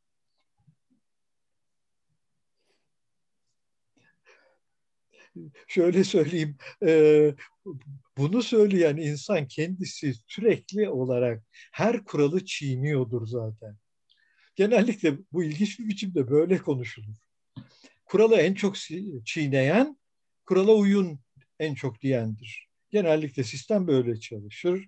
Dolayısıyla da e, biraz şaka gibi bir dünyadan konuşmaya başlarız. Bu kadar cevap vereyim buna daha fazla uzatmayayım artık. e, aslında bununla çok paralel bir soru soracağım ben de. E, bu mitik kahramanlık çerçevesinde o kadar olağanüstü, zamanüstü, tarihüstü bir beceri yaratılıyor ki bir yandan da bunu yakalamak imkansız. Kitabınızda, Mimar Sinan kitabınızda yenilmişlik psikoloji üzerinden aslında çok detaylı ele alıyorsunuz bunu. Dolayısıyla bu mitik kahramanlık yanıyla yenilmişlik psikozunu besliyor diye de düşünüyorum. Siz ne dersiniz? Bu yenilmişlik psikozu diye adlandırdığım şey e, hemen söyleyeyim. E, Türkiye'de çok belirgin bir e, toplumsal ruh haline işaret eder. Kabaca uzun bir tarihi olduğunu söyleyebilirim. 19. yüzyılın içinden başlar hatta 18. yüzyıldan başlayan bir süreçtir. Hatta Avrupa karşısında sürekli geriye çekilmeyle tanımlanmış 17. yüzyıldan başlayan bir sürecin bütününü anlatılır. Ama bu süreç 19. yüzyılın son çeyreğinde artık yeni imkanlarla bütün topluma yayılır. Şunu demek istiyorum. 18. yüzyılda Osmanlı'nın sürekli yenilmesini dert eden yönetim kademesindeki insanlarken e, birdenbire 19. yüzyılın sonunda artık gazete okuyan, ne diyelim bir kitap okuyabilen, Namık Kemal okuyabilen, onlar da bunu görmeye başlar. Dolayısıyla müthiş bir tarihsel e, da, ya da toplumsal yaygınlık edinmeye başlar. Toplumun bütün üyeleri birdenbire sanki her biri tek tek yenilmişler ve Avrupa karşısında sürekli biçimde kaybediyorlarmış gibi endişeler duymaya başlarlar. E, Türkiye'de bu olur. Dolayısıyla bugüne kadarki süreçte bitimsizce gündeme getirilecek bir motif çıkar. Ne gündeme gelse zaten düşmanlar var. Onlar kim? Hepimiz biliyoruz. Onlar Avrupalılar ve Amerikalılar. Onlar nedense böyle genetik bir nedenle Türklere düşman hiçbir şekilde bizimle uzlaşmaya niyetleri yok. Hepimizi teker teker öldürmek ve ne diyelim yok etmek istiyorlar dünyadan. E böyle bir inanç üretilmeye başlar. Şimdi bu inancı ürettiğiniz anda bunu kompanse edecek başka sosyopsişik mekanizmaları devrete, devreye sokmanız gerekir şunu yaparsınız. Dünyanın hemen her ülkesinde olan bir şey. Bu benden önce de söylenmiş bir şey olduğu için yanlış bir şey değil. Türkiye bağlamında ben ilk kez söylüyorum. Yoksa bu söz gelimi Almanya'da ki değişim süreci için söylenmiş bir şeydir. Amerika Birleşik Devletleri'ndeki iç savaştan sonraki durum için gündeme taşınmış bir şeydir. Yenilmenin çeşitli kompansasyon mekanizmaları ne yaparlar? Düşman üretirsiniz. O düşman bugün de var biçiminde endişeler üretirsiniz. Bir de geçmişe bakarsınız herkesi susta durdurduğunuz, herkesten daha yüce olduğunuz, hiç kimsenin size karşı çıkmadığı bir dünya tahayyül etmeye başlarsınız. Şimdi bu bir tahayyül. Böyle bir şey olmaz. Hiçbir çağda böyle bir Türkiye'de yoktu, böyle bir Osmanlı'da yoktu, böyle bir İngiliz'de yoktu. Hiç kimsenin karşı çıkamadığı bir Britanya İmparatorluğu Böyle bir şey mümkün olabilir mi? Ama dediğim gibi yenilmişlik psikozu duyuyorsanız yenilmişlikten kaynaklanan nedenlerle biz bir zamanlar asla yenilmezdik. Herkesi tam tersine biz yeniyorduk diye konuşmaya başlarsınız. Bu yenmekten ne anladığınıza bağlı olarak değişir. Osmanlı'dan konuşuyorsanız biz her savaşı kazanıyorduk. E inanıyorsanız inanırsınız. Her savaşı kazanıyorduk. Herkesten daha yüceydik. Herkesten daha fazla biliyorduk. Bizim herkesten daha yüksek teknoloji bilgimiz vardı. Osmanlı hiç kimseden teknoloji almazdı ki zaten. Dikkat edin bunları düşünürüz Türkiye'de. Şimdi bunların hepsi yanlış. Böyle bir şey yok. Böyle bir ülke yok bir kere. Osmanlı'da yok, bizde yok. Bütün dünya diyelim ki kale teknolojisini 16. yüzyıldan başlayarak İtalya'dan öğrendi. Bu kadar basit. İngilizler de İtalya'dan öğrendi. Bütün dillerde bunun karşılığı Trans-İtalyen, İtalyan izi diye kabaca söylenebilecek bir şeydir. Yani kentin etrafına yaptığınız tahkimattan bahsediyorum. Herkes İtalya'dan öğrenmiş. Osmanlı nereden? E o da İtalya'dan öğrendi gayet basit. Başka bir yerden öğrenilmiyor. Herkes oradan öğreniyor. Ama siz bunların hepsini o zaman görmezden gelirsiniz. Görmemek için tarih yazarsınız. Orada kitapta bir okul kitabından bir alıntı vardır. Onu herhalde gördünüz. Rönesans'tan yararlanmaya ihtiyaç duymadılar. Herkesten ileri oldukları zaman niye yararlansınlar? Şimdi böyle yazmaya başlarsanız eh, bunun adı yenilmişlik psikoloji. Çünkü çok iyi biliyoruz ki 16. yüzyılda Osmanlı diyelim ki Avrupa denizcilik teknolojisinden daha ileri falan değil. Tam tersine daha geri. Bunların hepsi bilinen gerçekler. Benim icat ettiğim, keşfettiğim olağanüstü parlak gerçekler falan değil. Bunları biliyoruz. Osmanlı yönetimi de biliyordu. 16. yüzyılda Osmanlı yönetimi dolayısıyla bizim gemilerimizi değiştirmemiz lazım. 17. yüzyılda yüksek bordalı okyanus gemileri yapmamız gerekir. Bunları boyuna yazıyorlardı ve nasıl aşarız bu açmazları diye düşünüyorlardı üzerinde. Ama dikkat edin bugün okul tarih kitabını yazan tam tersine inanıyor. Hayır böyle bir şey yok. Hepsinden ileriydik. Mimarlıkta o hepsinden ileriydik. Bizden daha büyük kubbe yapan yoktu. E vardı. Şöyle söyleyeyim. Bizden 1500 yıl önce Selimiye'nin kubbesinden 10 metre daha geniş kubbeyi insanlar Roma'da yapmışlardı. Dikkat edin 1500 yıl önceden bahsediyorum. Roma'da Pantheon'dan. Hemen hemen aynı dönemde San Pietro'nun kubbesi yine 11 metre civarında daha büyüktü söz gelimi Selimiye'nin kubbesinden. Şimdi ama Türkiye'deki inanç o ki hiçbir yerde bu boyda kubbe yok. Şimdi buna inanmak popüler kültürde hiç e, olağan bir bilgisizlik değil. Bu çok ciddi bir biçimde e, görmezden gelme halidir. Çok problemli bir hal. Bunları görmek zorundayız. Bunları görürsek ancak bugüne de normal bir gözle bakabiliriz. Sakin bir gözle bakabiliriz. Demin söylediğim gibi dünyayı anlamaya başlarız. Ama ötekinde dünyayı anlayamayız. Asıl sorun o. Dünyayı anlama şansımız yok. Böyle bir durumdan söz etmek istiyorum. Dolayısıyla sanıyorum bu yeterli bir açıklama olmuştur. Uzun bile oldu diyeceğim. Tabii tabii. Çok sağ olun hocam. Detaylı bir açıklama oldu. Bir yanıyla da bu yenilmişlik psikolojinin değerlere sahip çıkma gibi bir örtüyle de gelebildiğini görüyoruz aslında. Çünkü siz Mimar Sinan'ın e, mitleştirilmiş e, yönlerini vurguladığınızda size de karşı çıkışlar bu yönde oluyor. Bir değere sahip çıkmamak üzerinden aslında eleştiriliyorsunuz ve yargılanıyorsunuz. Yanıyla bunu da besleyen tarafı var sanıyorum. Kitapta da zaten e, kültürlü bir değerler bütünü olarak e, ifade ediyorsunuz bir yerde ama bu değerleri kimse sorgulamıyor gibi. Bu da böyle bir açmaza götürüyor bizi. E, değerleri sorgulamaktan öteye şunu görmek zorundayız. Değerler sürekli değişen bir şey. Değerler sabit cebimizde durmuyor. Bu şeye benzer. Türkiye'deki çoğu durumda karşımıza çıkan bir ifade vardır. E, bir şey yasaklanacağı zaman Türk aile yapısına aykırı Nedir Türk aile yapısı? 16. yüzyılda aile yapısı bambaşka bir şeydi. 18. yüzyılda bambaşka bir şeydi. E, diyelim ki Tokat'ın bir köyünde başka bir şeydi. İstanbul'da bir e, vezirin konağında aile yapısı başka bir şeydi. Saraya geldiğiniz zaman neredeyse aileden söz edemezdiniz. Diyelim ki buna karşılık Balkanlarda bir Bulgar köyünde başka bir aileden söz ederdik. Geçmişte böyle bir genelleme yapılamazdı. Türk aile yapısı Orta Asya'dan başlayarak aynı aile yapısı geçerli olabilir mi? Söz gelimi İbn Batuta 14. yüzyılda İstanbul, Türkiye'ye geldiği zaman şaşırarak şöyle anlatıyor. Bir Arap gezginidir İbn Batuta. 14. yüzyılın başında e, Türkiye'ye ayak basıyor. Burada diyor kadınlar erkeklerle beraber sofraya oturup yemek yiyorlar. Şimdi adamı şaşırtmış. Çünkü kendi geldi bir Magripli yani Kuzey Batı Afrikalı bir Arap. Dolayısıyla onun ülkesinde bu belli sınıf insan için söz konusu olamayacak bir şey ama burada olağan bir durum. Peki 19. yüzyıl biterken nasıldı? Üst sınıf ailelerde kadınlar ayrı sofra kuruyorlardı, erkekler ayrı sofra kuruluyordu. Dikkat edin 14. yüzyıldaki Türk ailesi başka bir şeydi. 19. yüzyılın sonundaki Türk ailesi başka bir şey.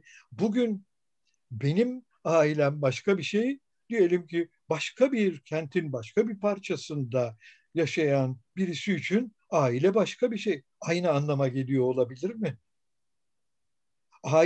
Oğlumun bana söyleyebileceği sözü, eleştiriyi Türkiye'deki bütün evlatlar yapabiliyorlar mı? Böyle bir imkan var mı?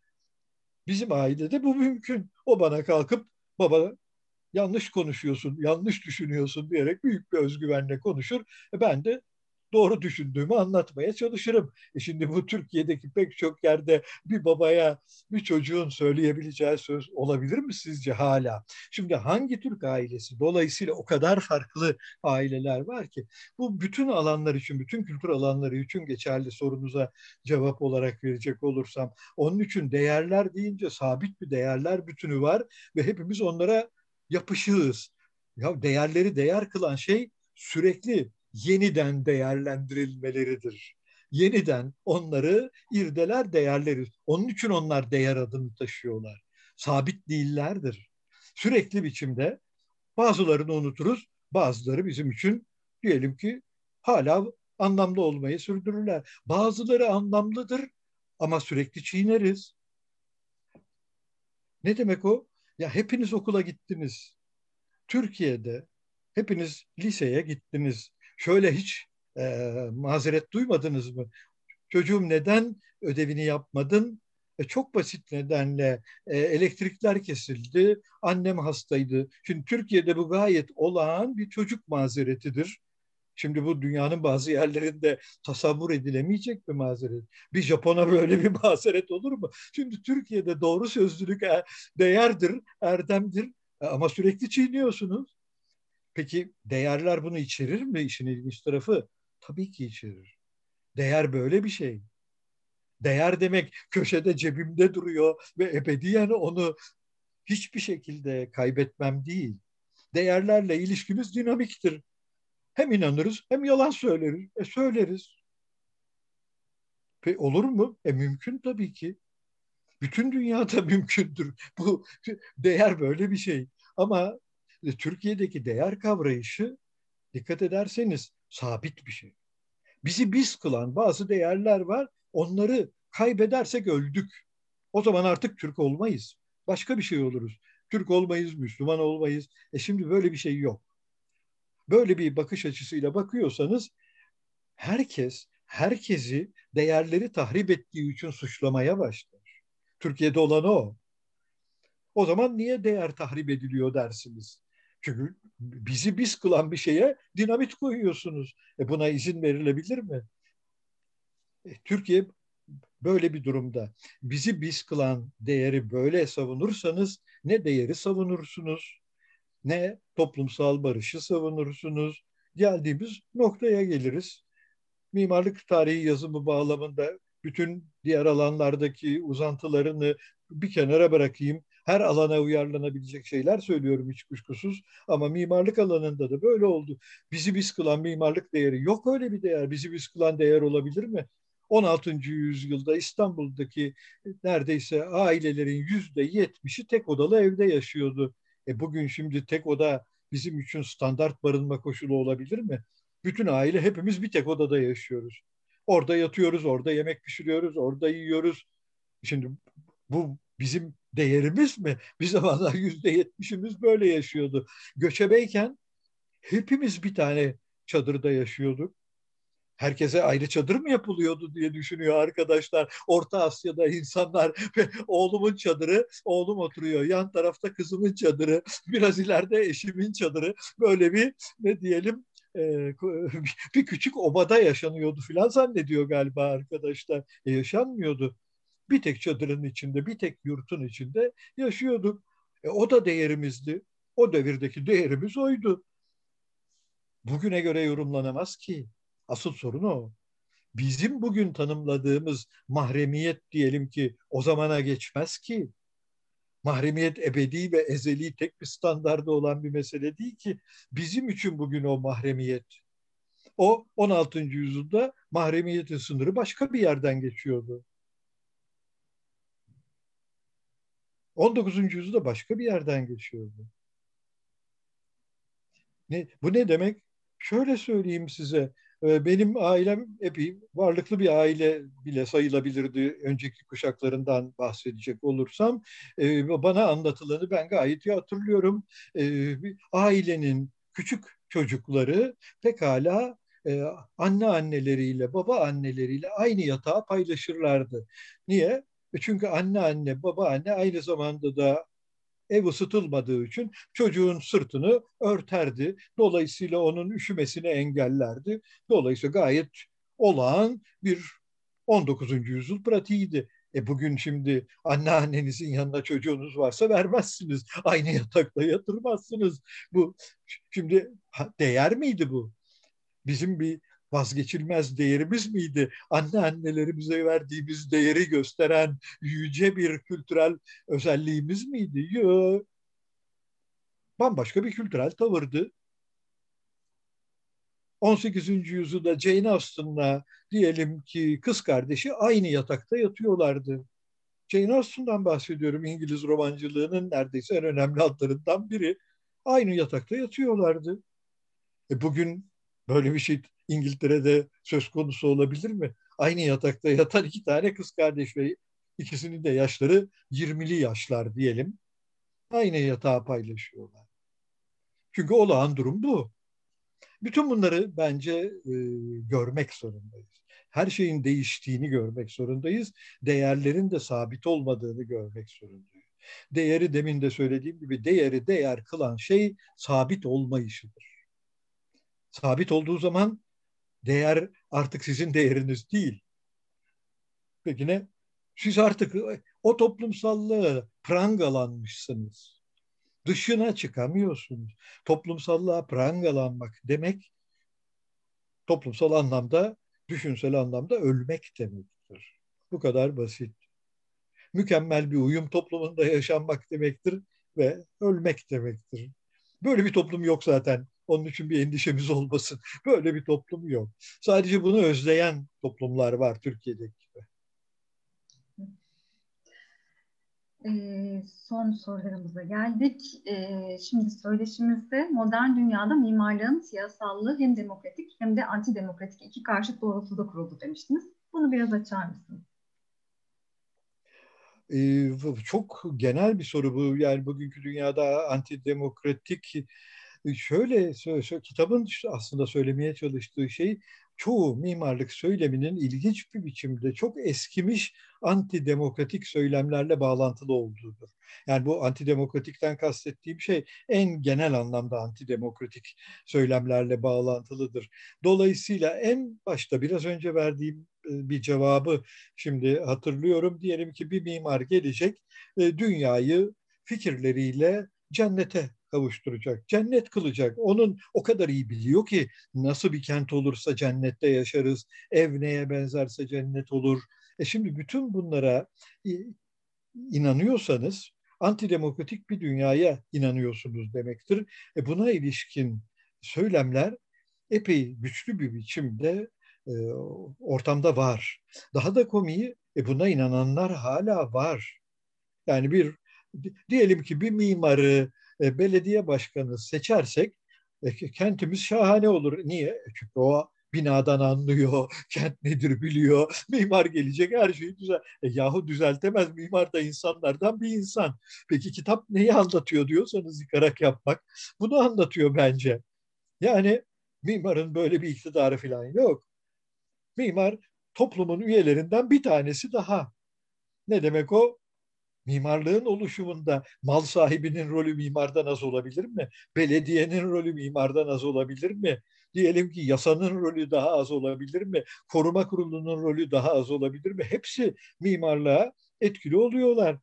Mimar tek başına bunların hepsini aşarak karar veren bir merci mi dünyanın bir yerinde? E değil. Böyle bir mimar yok. Böyle bir insan yok. Bunların hepsini yapabilme iktidarına inanmak problemlidir. Onu anlatmaya çalışıyorum kitapta. Buna inanıyorsanız problemli. Böyle birinin olmayacağı besbelli zaten. Böyle birinin olduğuna inanma haliniz ortamı mahveder. Bu ne demek? Herkesin özne olduğunu farkına varırsınız. Herkesin belirli sınırlar içinde iktidarı olduğunu farkına varırsınız sürekli olarak bir toplumsallığın içinde başkalarıyla paylaştığımız bir toplumsallığın içinde yaşadığımızın farkına varırız. Mimarlık düşüncesi onun için bu totaliter damara su taşımamalıdır. Ama bunun için de 18. yüzyıldan bu yana gelen bir süreçte epey güçlü bir biçimde böyle bir totaliter damar var. E, Türkiye'de bu hala devam ediyor.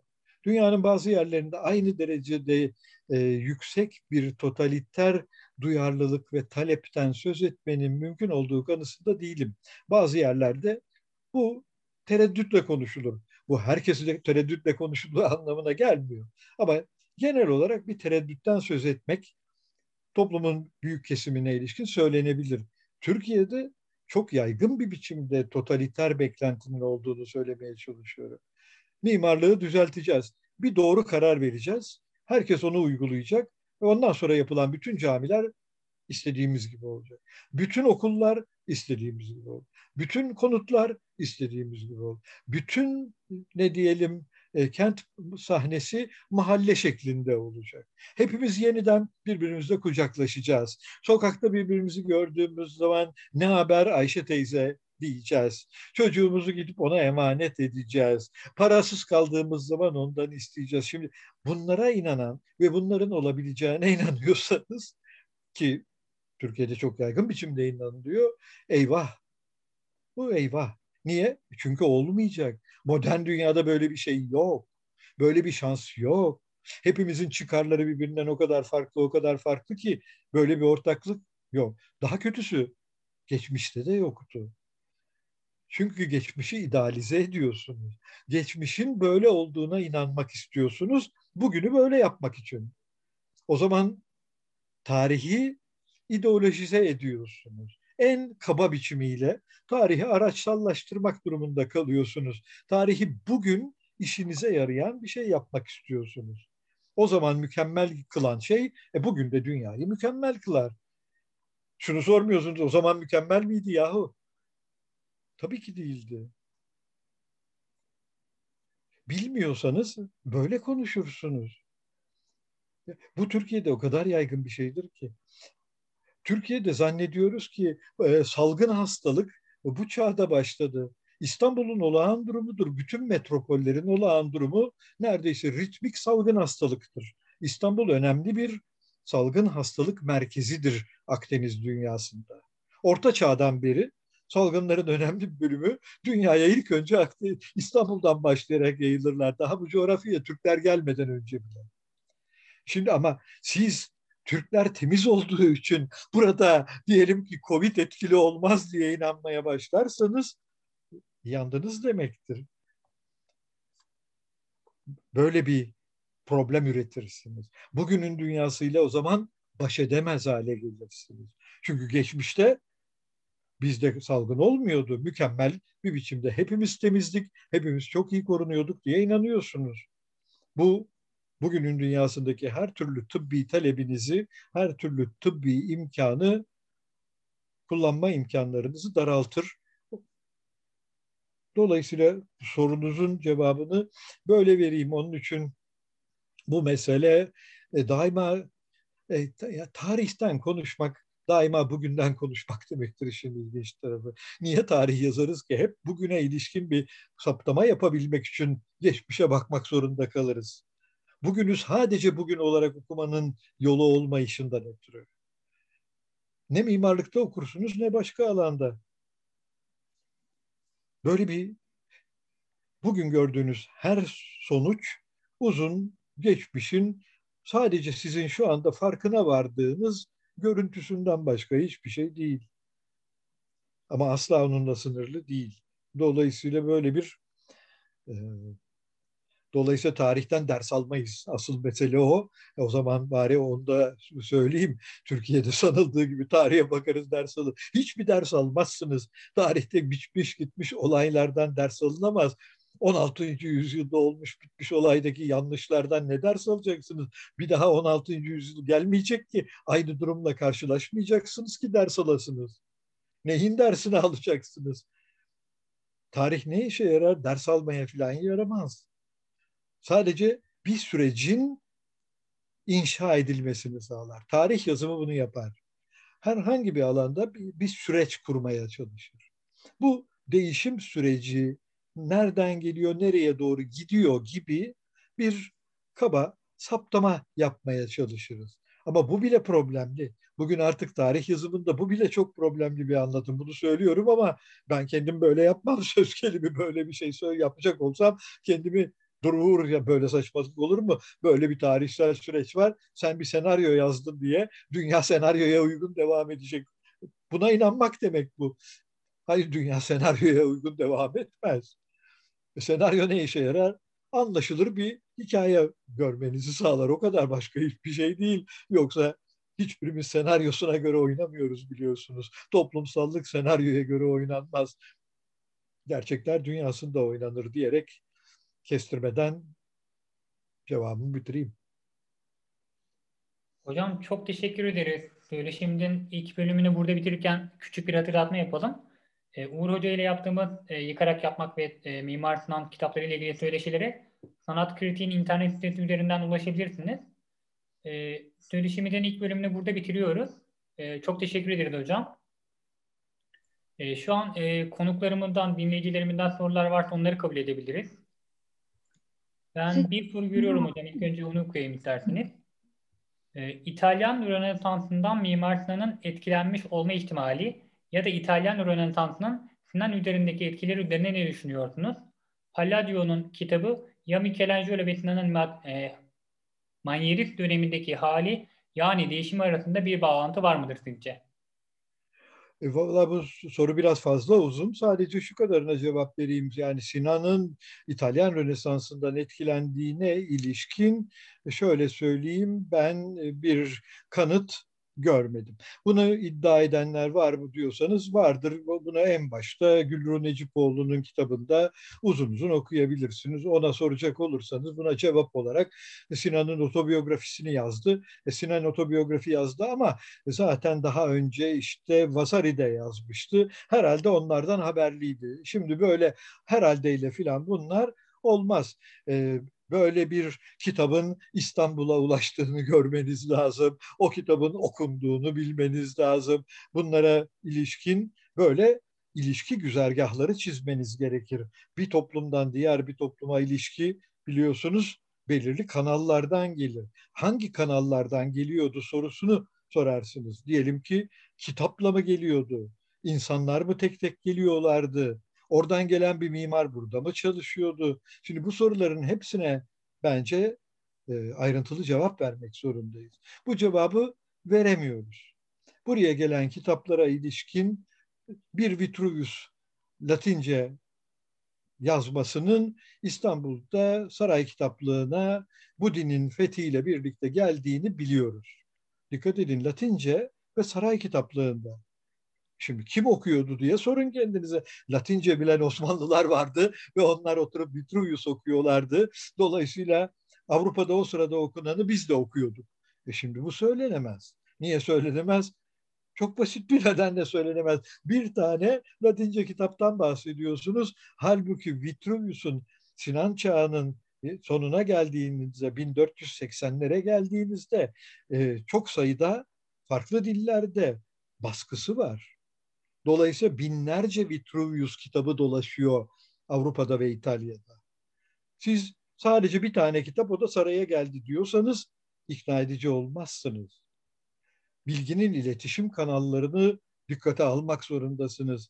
Bilgi böyle taşınıyor. E, dolayısıyla Rönesans'la ilişkileri ilişkin e, yapılara baka baka karar veremezsiniz. Orada da kubbe yapıyorlardı, burada da kubbe yapıyorlardı. Hayır böyle değil, aynı biçimde kubbe yapmıyorlardı, kubbeye aynı anlamı vermiyorlardı, aynı yapının üstüne koymuyorlardı, aynı biçimde çizmiyorlardı, aynı biçimde diyelim ki kesit çizmiyorlardı. Şimdi bunları görmeyerek ilişki saptanamaz. Onun için Palladio ile çağdaştılar e dolayısıyla birbirlerinden haberliydiler. Ne Palladio'nun Sinan'dan haberli olduğuna ilişkin bir metin var o dönemde yazılmış ne de Sinan'ın diyelim ki Palladio'dan ya da Leonardo da Vinci'den ya da Michelangelo'dan haberli olduğuna ilişkin bir satır var. Yok bunlar. Dolayısıyla böyle hayaller anlamlı değil. E, bu ilişki kanalları deminki ilişkisizlik e, kavramının karşı ucunu oluşturuyor. Yani Biz hiç kimseden hiçbir şey öğrenmedik demekle biz her yere açıktık öğrenirdik zaten demek aynı şey. Böyle bir toplum yok. Hiç kimseden öğrenmemek mümkün olmadığı gibi öteki de mümkün değil. Yani herkese açıktık zaten. Hayır açık değildik. Hiçbir toplum her yere açık değildir. Çeşitli iletişim kanalları üzerinden ülkeden ülkeye, toplumdan topluma, kişiden kişiye bilgiler akar gelir. Hangi bilgi kanallarından geldiğini göstermek zorundasınız. Böyle kanallar yok diyerek çok uzatmayayım. Çok teşekkür ederiz hocam. Şu an sanırım başka soru göremiyorum ben. Sanırım söyleşimi de burada bitirebiliriz. Sizi de çok yorduk. Çok teşekkür ederiz hocam. Çok teşekkür ederiz. Teşekkür ederim. Ben de o zaman ayrılıyorum. Herkese iyi akşamlar. Çok teşekkürler. İyi akşamlar, iyi akşamlar.